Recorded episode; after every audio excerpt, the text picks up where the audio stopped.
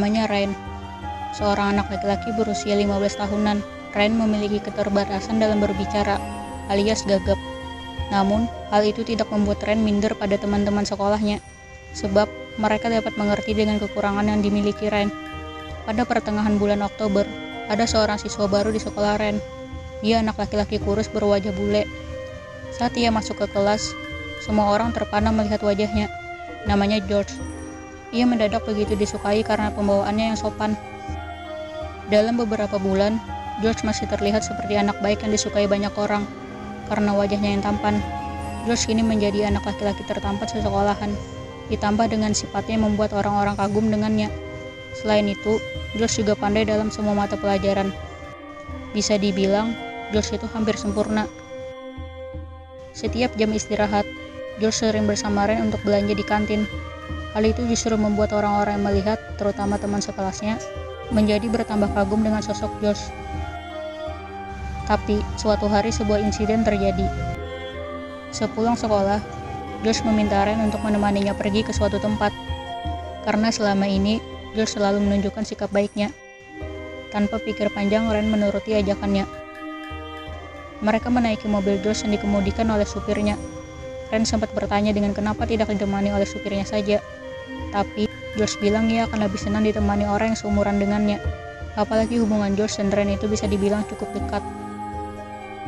Saat mobil memasuki area hutan pinus, Ren kembali tanya apa tujuan mereka ke sana. George hanya bilang kalau dia menyiapkan sesuatu untuk Ren. Dengan diliputi rasa penasaran dan prasangka yang bersarang di kepalanya, Ren hanya bisa diam dan menunggu kejutan seperti apa yang dimaksud George. Saat memasuki kawasan hutan pinus, mereka hanya berjalan berdua. Sesekali George menceritakan pengalamannya bermain di hutan pinus bersama dengan anjing peliharaannya. Sampai akhirnya, mereka tiba di depan sebuah rumah yang mirip seperti gudang dan kelihatan seperti tak pernah ditempati. Ren lagi-lagi bertanya untuk apa dan kenapa ke sana. George hanya tersenyum dan menyuruh Ren masuk. Di dalam rumah itu, terdapat sedikit perabotan rumah tangga. Tapi semuanya sudah ditempeli oleh debu yang cukup tebal. Sarang laba-laba juga ada di mana-mana. Ren menutup hidungnya sambil berjalan mengikuti George.